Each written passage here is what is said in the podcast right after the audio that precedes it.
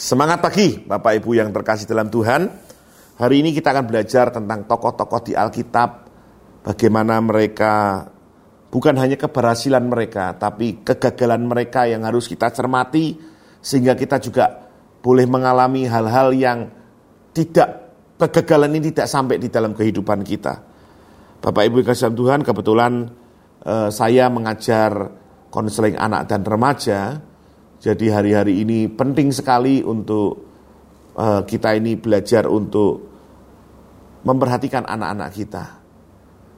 Mungkin kita berkata, wah Pak Freddy saya udah usia lanjut, saya sudah punya cucu.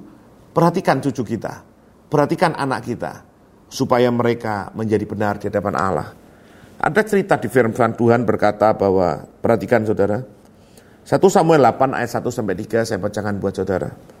Setelah Samuel menjadi tua, diangkatnyalah anak-anak laki-laki menjadi hakim.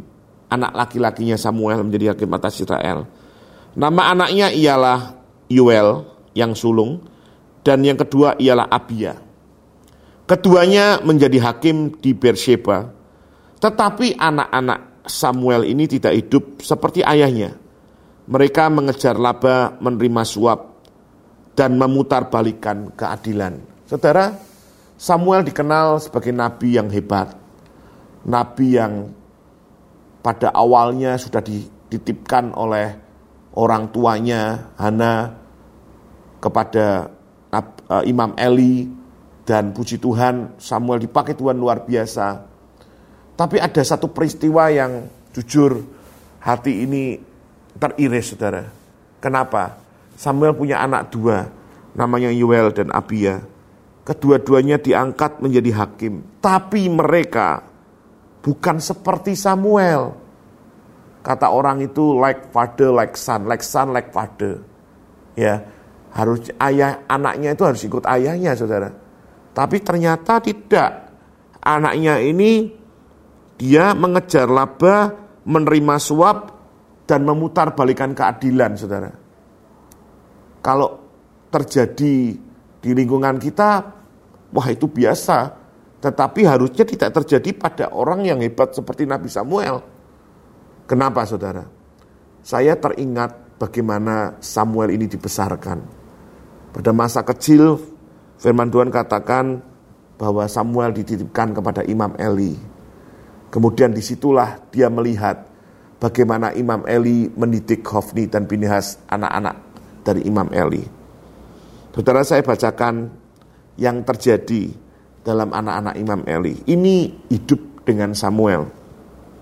Lingkungan, komunitas di mana kita berada, itu menentukan arah ke mana kita ada, saudara.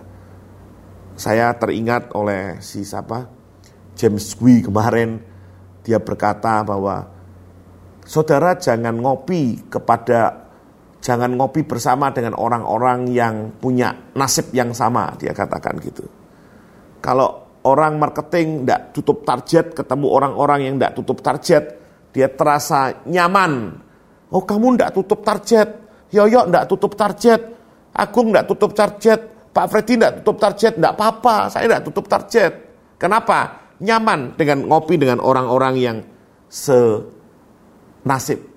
Orang kepahitan ketemu dengan orang kepahitan, wah sama nular saudara. Nah ini yang terjadi dalam hidup Samuel.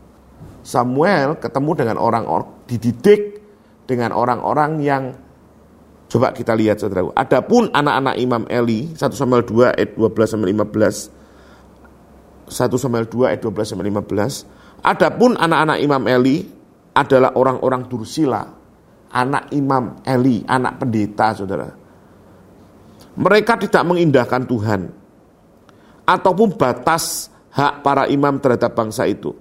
Setiap kali seorang mempersembahkan korban sembelian, sementara daging itu dimasak, saudara, datanglah bujang imam membawa garpu, bergigi tiga di tangannya dicucukkan ke dalam bejana, dalam kuali atau ke dalam belanga atau dalam periuk, segala yang ditarik garpu itu ke atas diambil imam itu untuk dirinya.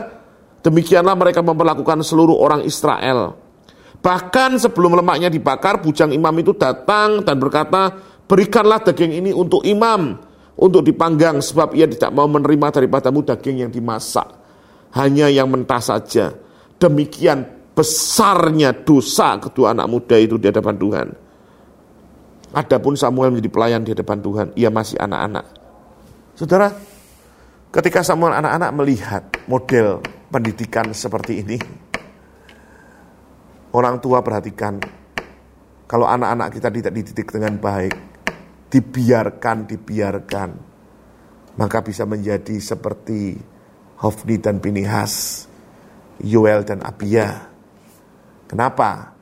Samuel dia tidak pernah dididik oleh Eli dengan baik. Dia melihat Sofni Pinehas, bagaimana hidup mereka kacau. Dan firman Tuhan katakan, terjadi juga dalam hidup Samuel. Perhatikan 1 Samuel 3, 13, 14. 1 Samuel 3, 13, 14. Sebab telah kuberitahukan kepadanya bahwa aku akan menghukum keluarganya untuk selama-lamanya karena dosa yang telah diketahuinya. Yaitu, perhatikan, bahwa anak-anaknya telah menghujat Allah, tetapi ia tidak pernah memarahi mereka. Ada tanda seru. Eli tidak pernah memarahi mereka. Sebab itu aku bersumpah bahwa dosa keluarga Eli akan dihapuskan dengan korban sembelian apa pun. Bapak Ibu, kalau engkau sayang anak-anakmu, engkau harus mendidik dengan baik generasi-generasi yang baru ini orang China berkata generasi strawberry.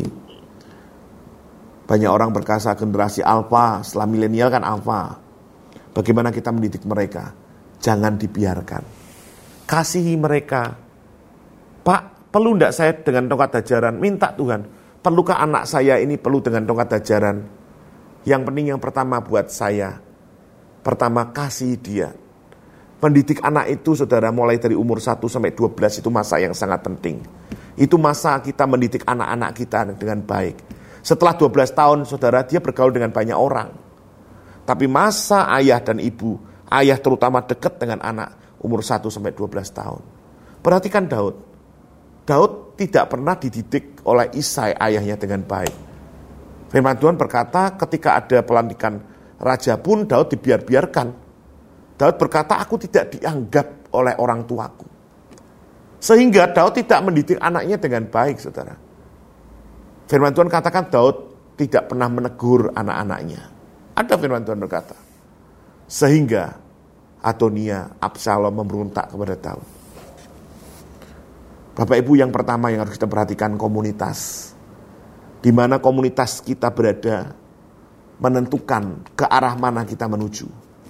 Kalau engkau bergaul dengan orang-orang yang rohani, berarti engkau menjadi orang yang rohani. Tapi kalau engkau bergaul dengan orang-orang yang rohana, engkau menjadi orang-orang yang rohana, saudara.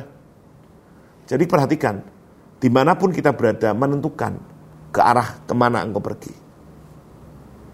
Yang kedua, saudara, mari belajar kita memperhatikan anak-anak kita dengan kasih dan didikan yang benar yang datangnya dari Tuhan. Kami saya rindu hari ini saudara diberkati oleh firman Tuhan dan menjadi pelaku firman Tuhan. Tuhan Yesus memberkati kita semua.